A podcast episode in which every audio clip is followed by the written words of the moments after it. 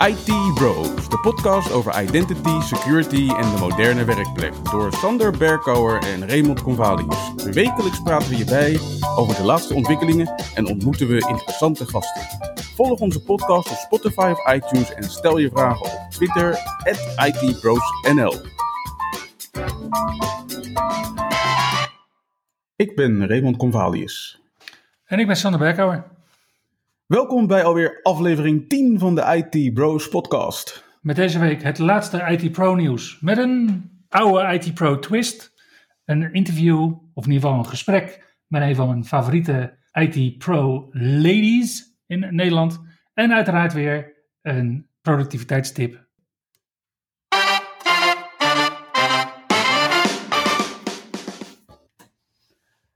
Afgelopen week was het 1 april en op 1 april ging het voor de tweede keer in drie weken mis met de dienstverlening op Azure. Goeie grap, ja. ja. Waarschijnlijk hebben onze luisteraars hier niet zo heel veel van meegekregen, want uh, de grootste verstoring vond plaats tussen half zes en half zeven in Redmond. En dat is bij ons tussen pakweg uh, half drie en half vier in de ochtend. Dus de meesten ons lagen te slapen. Maar uh, de voorlopige conclusie van wat er deze keer mis, misging, is dat het een uh, DNS DDoS betrof. Ja, dus we kunnen concluderen dat het toch weer uh, DNS was. Ja, en ik, ik, weet niet of het nou inderdaad een, een DDoS was, een Distributed Denial of Service aanval. Het kan zijn dat het aan ten grondslag lag, maar Microsoft gaf aan dat het ook een scriptfout was. Of in ieder geval een fout in de configuratie, hoe dat dan vervolgens werd afgehandeld. En zo'n twintig jaar geleden was het leven van IT Pro heel wat simpeler. Weet je, toen, toen jij bijvoorbeeld begon met lesgeven, toen ik uh, aan mijn carrière begon. En als iets fout ging, het was DNS, of een typfout, of een certificaatfout. Dat waren ze. Ja, met de introductie en adoptie van remote desktops en servervirtualisatie en cloud en blockchain en AI, ja, een hoop dingen veranderd. Maar dit dus niet. Het was DNS. Les 1 bij troubleshooting, check DNS. En dat blijft nog steeds zo. Ja, ik weet nog dat ik een keer troubleshootte dat iemand... Ja, als ik op mijn startknop druk, dan duurt het 5 seconden voordat het startmenu er staat. Nee, dat kan toch niet DNS zijn? Het was DNS. Ja, en ja, goed, ik zei al, het was uh, de tweede verstoring in drie weken. Is er eigenlijk al een, uh, al een definitieve verklaring gekomen over die, die eerste verstoring? We wachten nog op de echte uiteindelijke verklaring voor die RGD-verstoring van 15 maart. Maar uit de publieke informatie die Microsoft tot nu toe deelt, komt wel naar voren dat het een certificaatfout betrof. ja, het is, uh, het is ironisch, want we hebben nu uh, twee van de drie te pakken. Maar kijk, waar we normaal fouten zien bij certificaten die verlopen, was het deze keer een certificaat dat Microsoft het lang in een omloop wilde houden om een langlopende migratie sneller af te kunnen ronden. En normaal wisselt Microsoft de certificaten gewoon, maar er bestaat een script om die infrastructuur voor te bereiden op certificaten met een langere levensduur en de normale verloopdatum dan dus niet volgens het vaste schema te communiceren middels de publieke federatie metadata. Er ging alleen iets fout met het script, waardoor er een verschil was tussen het gebruik van het certificaat en de geldigheid van het certificaat certificaat werd gebruikt om authenticatiepakketten te ondertekenen, de zogeheten claim tokens, terwijl Azure AD dacht dat het authenticatiepakket ontving met een ongeldige ondertekening. Het gevolg was allemaal foutmeldingen. En dan denken wij natuurlijk, even rechtzetten en weer door. Maar toch duurde deze storing volgens mij een beetje langer. Ja, toch wel een paar uur. Voor sommige diensten inderdaad uh, toch wel echt negen uur. En ja, het is de schaal die het allemaal leuker maakt. je moet je voorstellen, Azure Active Directory is een dienst die meer dan 300.000 processoren gebruikt in Microsoft datacenters wereldwijd. En die schaal is onvoorstelbaar groot, en vooral wanneer je het vergelijkt met DC01, zeg maar, de domeincontroller die elke organisatie zo'n beetje heeft staan. En DC01 is trouwens ook de meest voorkomende servernaam wereldwijd.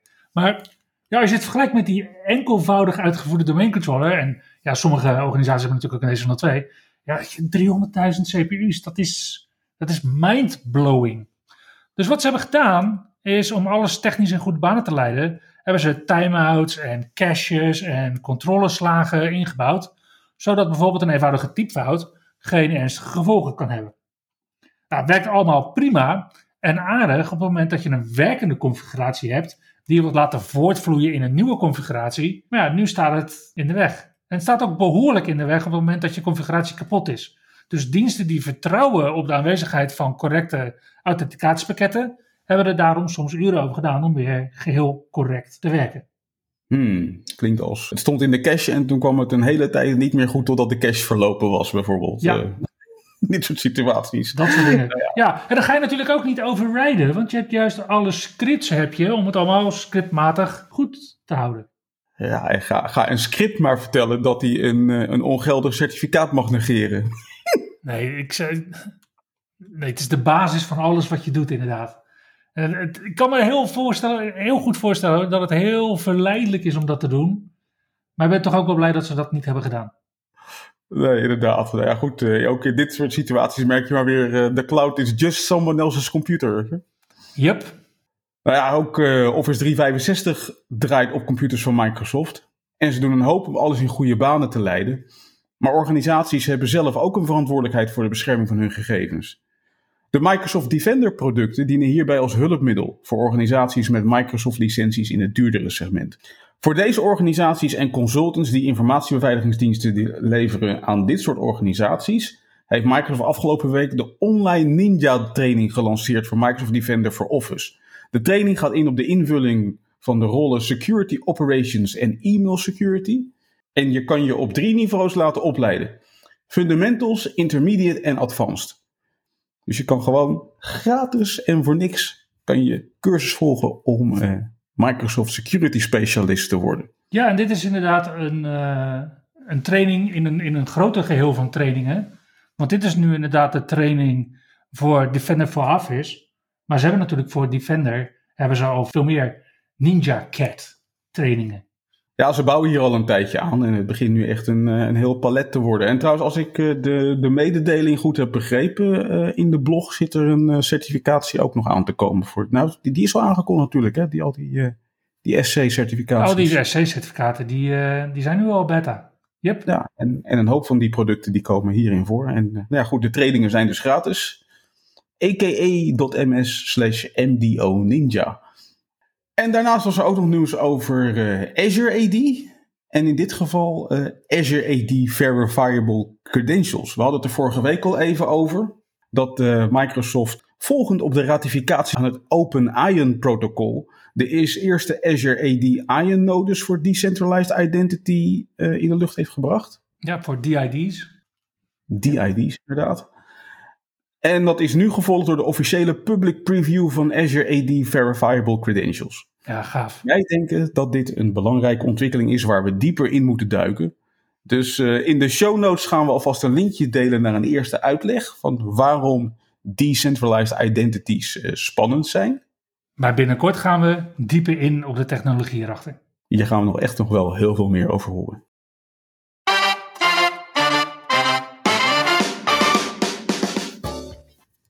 De evenementen voor de komende weken. Op dinsdag 13 april ontvangen de Workplace Ninjas Greg Ramsey, Enterprise Mobility MVP en Enterprise Tools Strategist bij Dell, met een sessie over Intune en ServiceNow equals a happy admin. Meer informatie op de website van de Workplace Ninjas. Ja, in de herhaling en ook op 13 april natuurlijk Azure Live met twee tracks en diverse sprekers uit binnen- en buitenland, waaronder veel bekende voor ons. 1 uur s middags tot 10 uur s avonds. Maar 13 april is echt een drukke dag. En een van de organisatoren van Azure Live, Wortel, kennen we als organisatie die zich bezighoudt met informatiebeveiliging. Maar op 13 april is er ook een evenement dat zich alleen maar richt op informatiebeveiliging. Trust 2021. Op 13 april en 14 april kun je van menig internationale CISO en een aantal bekende informatiebeveiligingshelde, waaronder Graham Cluley, leren hoe zij tegen dit landschap aankijken. De agenda is in Pacific Time, dus je kan vanaf ongeveer 5 uur s middags aanschrijven en de lol eindigt pas om 11 uur s avonds. Nou, ik heb het gezien. Het was een uh, impressive line-up. Waarbij ze ook gewoon echt wel hebben gedacht aan, aan diversity. Ik zag onder andere zag ik uh, Meredith Harper. Mm -hmm. En zij is uh, de founder van Black Girls Code. Ja, ja, ze doet een van de keynotes. Heel gaaf om te zien. Zeker weten. Ook volgende week, diezelfde week, eh, nou ja, 13 april was al druk. 14 april is er nog een eh, evenement. En dan op 14 en 15 april is er voor de Microsoft Certified Trainers nog een evenement, namelijk de MCT Connect Conference. En dit is de conferentie waar Microsoft voor de Certified Trainers bekend zal maken uh, wat trainingen en examens zijn die voor de komende periode in de planning zijn en wat ze daarmee van plan zijn. Ja, verder kijkend, dan wordt het in mei best druk. Techorama in België, Microsoft Build en VMAN zijn evenementen waar we allemaal gratis bij kunnen aanschrijven. Registreer je je voor 22 april voor VMON, dan ligt er een heuse goodiebag voor je klaar. Die wordt dan natuurlijk wel thuisgestuurd. Zo, online event met goodiebag.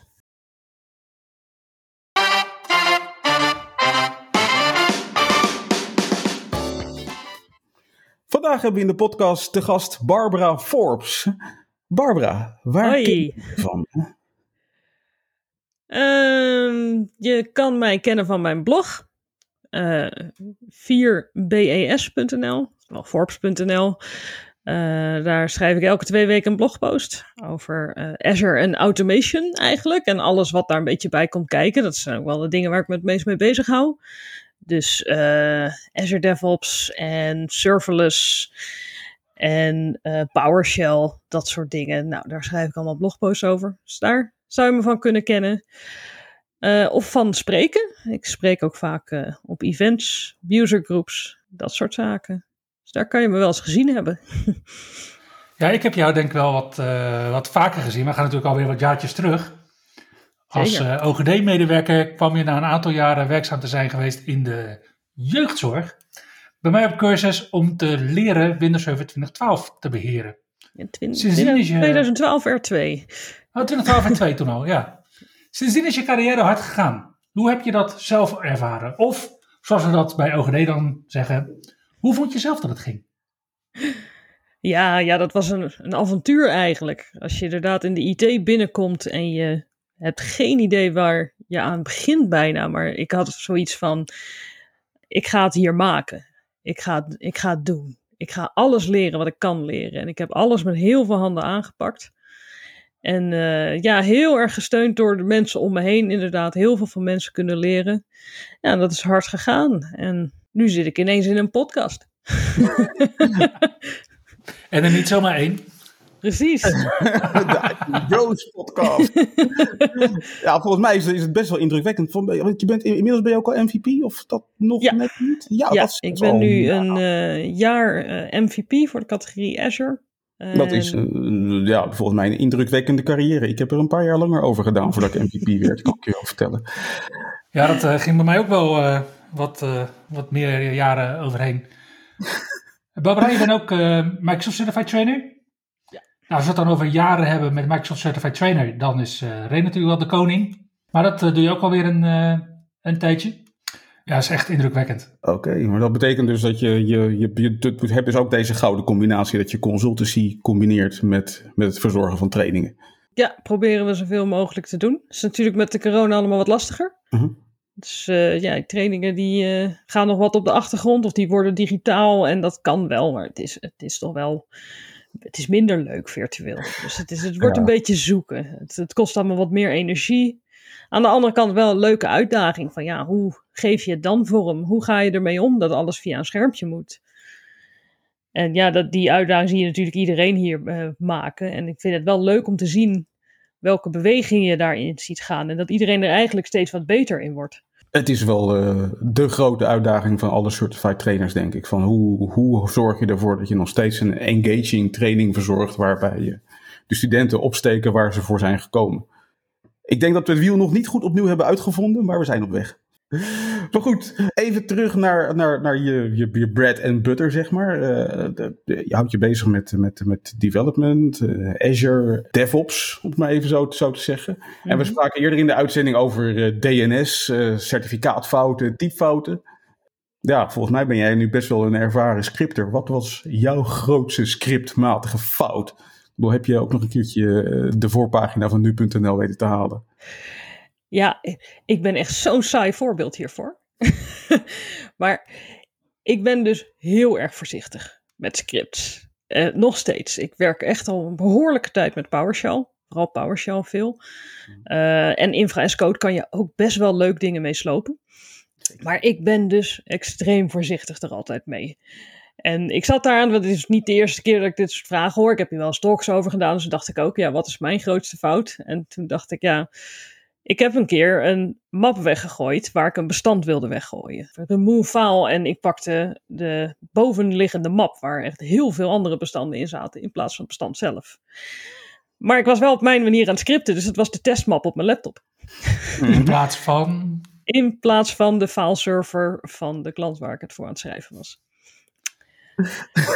ja, dat had, uh, dat, had snel, uh, dat had snel fout kunnen gaan. Uh, vooral als je bijvoorbeeld DVSR of zo ook in de picture hebt, dan repliceert zo'n fout toch wel heel snel overal naartoe. Precies. En ik moet zeggen, want dat was best een grote map, mijn C-test. en ik weet niet meer wat er allemaal in stond. Maar ik heb wel geleerd dat het echt heel moeilijk is om terug te halen. Dus ik was heel blij dat ik daar aan het testen was.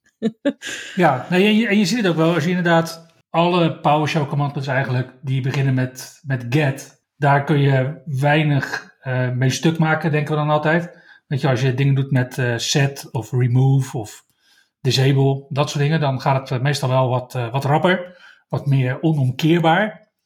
Maar ook met get kan je toch best wel mooie, ja, mooie fout maken, die toch inderdaad ook wel op nu.nl op de voorpagina dan, dan prijkt. Ja, zeker. Uh, get, get in combinatie met PowerShell is volgens mij een uh, gouden combinatie. Als je daarna een pipe doet en uh, je nog niet goed hebt ge ge gecontroleerd wat het resultaat van je get is. Ja, je target daarmee al je domain controllers bijvoorbeeld. Ja, ja gaat er redelijk rap. Om iedereen nog wel zo'n veilig gevoel te laten houden, je moet wel een beetje je best doen om het stuk te maken met een get-commando. Ja, natuurlijk. Ja. Een get op zichzelf maakt het niet stuk, maar het, nee ja, het kan wel. Ja. er zijn heel veel manieren om, uh, om dingen stuk te maken met PowerShell. Er zijn natuurlijk ook allerlei manieren om dit soort fouten te voorkomen. En naast testen uh, hoor ik je natuurlijk ook zeggen, ik ben bezig met Azure DevOps. Waarschijnlijk kijk je ook naar, uh, naar GitHub als, uh, als platform. Hoe helpt jou dat om, om fouten te voorkomen? Of hoe helpt het jou misschien zelfs wel als IT Pro? Nou, wat je met het eerste waar je aan denkt als je denkt aan zowel GitHub als uh, Azure DevOps, is dat je daar dus je code kan bewaren. En je kan met je code gaan samenwerken. Met, uh, bedoel, de meeste mensen werken in een team samen. En dat is in mijn ervaring ook een van de beste manieren om te voorkomen dat er fouten in productie sluipen. Uh, is om iemand je code te laten checken. En ja, developers doen dat al lang. Daar is dat al lang de gewoonte. En uh, ja, een IT Pro gaat tegenwoordig ook wel zodanig veel met PowerShell om, dat het ook een ding wordt wat je alles voor PowerShell scripts gaat adopteren. En als je daarvoor Azure DevOps gebruikt, dan maak je gebruik van Git. En dan kan je via Git, uh, wat we een pull request noemen, gebruiken om uh, te zorgen dat iemand een review doet op jouw code. En er zit een mooie interface achter, kunnen comments gegeven worden, kan je ter plekke nog dingen aanpassen. En ook erg fijn ervan, er komt een complete audit trail van. Dus jij kan ook aantonen, mijn code is gecontroleerd. Mocht er later een twijfel zijn, goh, is er iets misgegaan? Kan je zeggen, hier, we hebben alles gedaan om het te voorkomen. Het is gecontroleerd door een ander, we hebben het nagekeken. Dus het geeft een mooie, ja, bijna management van je script zou je het kunnen noemen. Oké, maar goed, uh, ja, het, het, is DevOps eigenlijk, zegt de naam zegt het al een beetje. Heel veel IT-pro's zien het nog als een feestje voor uh, ontwikkelaars. Jij bent hier als IT-pro gewoon dagelijks mee bezig. Ik bedoel, het, het, het, is, het, is, wel iets wat ik bijvoorbeeld, ik ben ook IT-pro. En hmm. ik kijk naar GitHub en ik denk van ja, hier moet ik toch op een dag ook iets heel serieus mee gaan doen. Want ik bouw ook PowerShell scripts. Ja. En het enige serieuze wat ik er nu nog mee doe, is dat ik zeg maar de, de documentatie van Microsoft af en toe uh, van een verbetering voorzie. Ik hoorde toch laatst iemand zeggen dat jij meer de AD Find uh, koning bent. Uh, in plaats van dat je dingen doet met PowerShell, Ray. Maar ik, we, we, gaan het er een andere keer over hebben. Ik combineer mijn tools een beetje, maar... maar als jij een, een script maakt, en, of jij hebt een script wat je vaker wil gaan gebruiken, dus dat heb je ergens opgeslagen. Uh, meestal een banddrive dan als je geen Git gebruikt. Uh, hoe vaak heb je dan dat je een script versie 2 hebt? Script versie 3? Altijd. Script final version? Script final Altijd. version nu echt? Mhm, precies, 2.0, 2.1. En het wordt een bende en op een gegeven moment weet je niet meer welke de goede was, want het is niet final version. Dat is niet de goede. Het was eentje ervoor. En dat kan, kan Git je dus ook mee helpen. Zowel GitHub als Azure DevOps kunnen, uh, hebben versiebeheerder in zitten. Mhm. Dus je kan heel laagdrempelig gewoon op je eigen computer werken. En je hebt een punt waar je het wil opslaan. Dat kan zijn als je klaar bent met iets wat erin staat, of gewoon aan het eind van de dag. Dan commit je het naar Git. En uh, dan wordt die versie daar opgeslagen.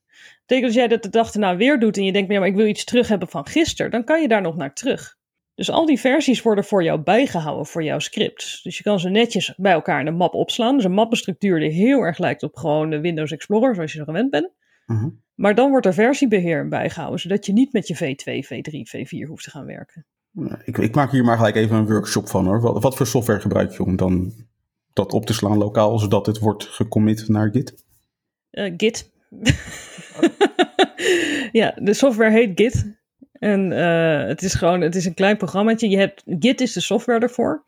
En het platform zou je het een beetje kunnen noemen. En uh, GitHub en uh, Azure DevOps, maar ook GitLab of Bitbucket, dat zijn providers. Ik ga zo meteen googlen. Getting started with Git. Ik weet nog wel een blog.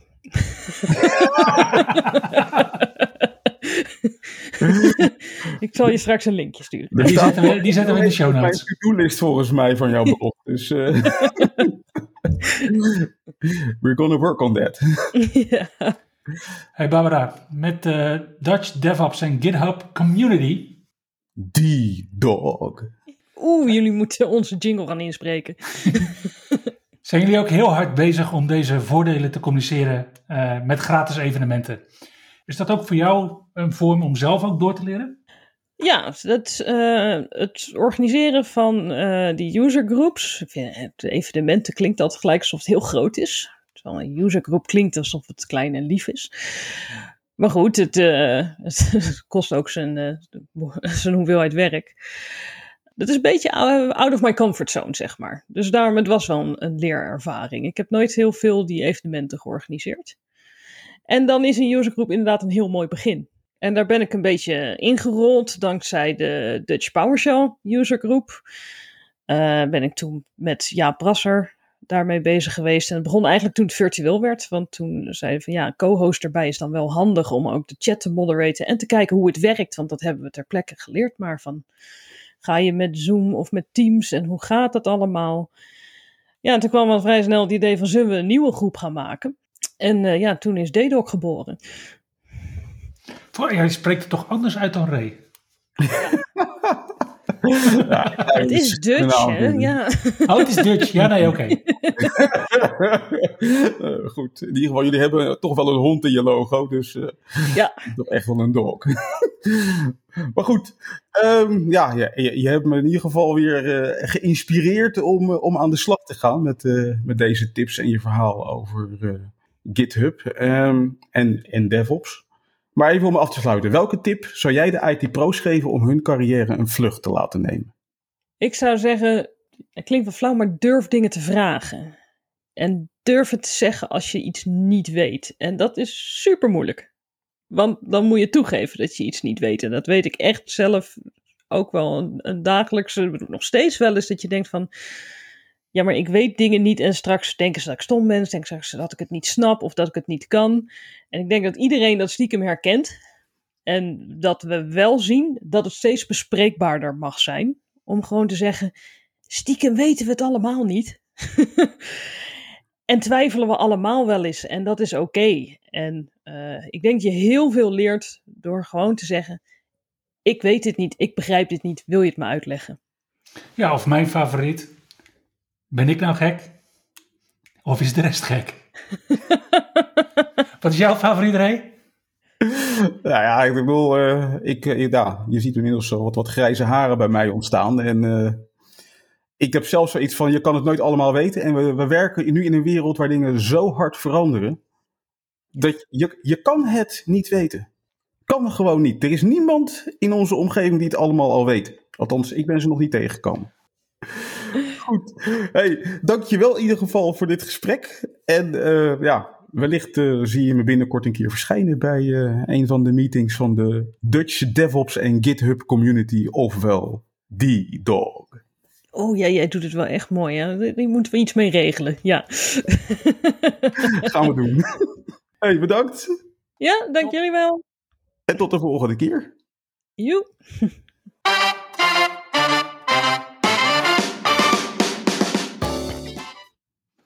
Weet je wat, Reven, doen we het gewoon anders. Deze week komt de productiviteitstip van Sander. Haha, verrassing.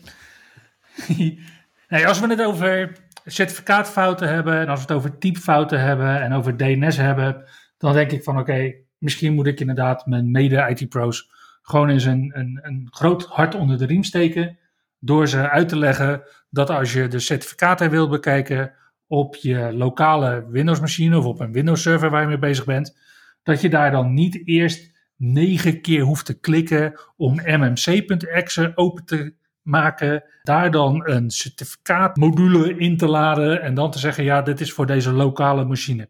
Als je een beetje vloeiend bent op je toetsenbord, dan kun je dat in veel minder tijd doen. Door gewoon start run of gewoon bij start te typen. En dan aan te geven dat je de certificaten voor de local machine wilt hebben. Dus dat is CERT, als in voor certificaat. LM, als voor local machine. En daarachter .msc, namelijk een MMC Saved Console. Dus dan kom je uit op zlm.msc. Je krijgt dan van User Account Control natuurlijk gelijk een mooie melding, omdat je daarvoor lokale beheerrechten nodig hebt. Maar daarna kun je heel snel de certificaten gaan beheren. En daarmee, als ik bezig ben met een project in ieder geval, ik kan me, kan me niet meer herinneren hoe vaak me dit twee minuten tijd heeft gescheeld. Inderdaad, een, een, een snelle optie. En als je dan toch een echte toetsenbordridder bent, dan uh, gebruik je PowerShell. En dan doe ik gewoon deer cert dubbele punten. En dan ja. heb je je met je certificaat te pakken. Ja, precies. En daar kun je dan inderdaad ook, uh, ook filteren en dat soort dingen. En meestal gaat het inderdaad over set dubbele punt slash my. Waar je dus inderdaad uh, je certificaten dan ziet. Ja. Dankjewel voor deze tip, Sander. En daarmee zijn we aan het einde van aflevering 10 van de IT Bros podcast. Bedankt voor het luisteren en tot de volgende keer. Je luisterde naar IT Bros, de wekelijkse podcast over identity, security en de moderne werkplek. Abonneer je op Spotify, iTunes of Google Podcast als je de volgende aflevering niet wilt missen. Heb je hints of tips? Laat dan van je horen op Twitter. @itbrosnl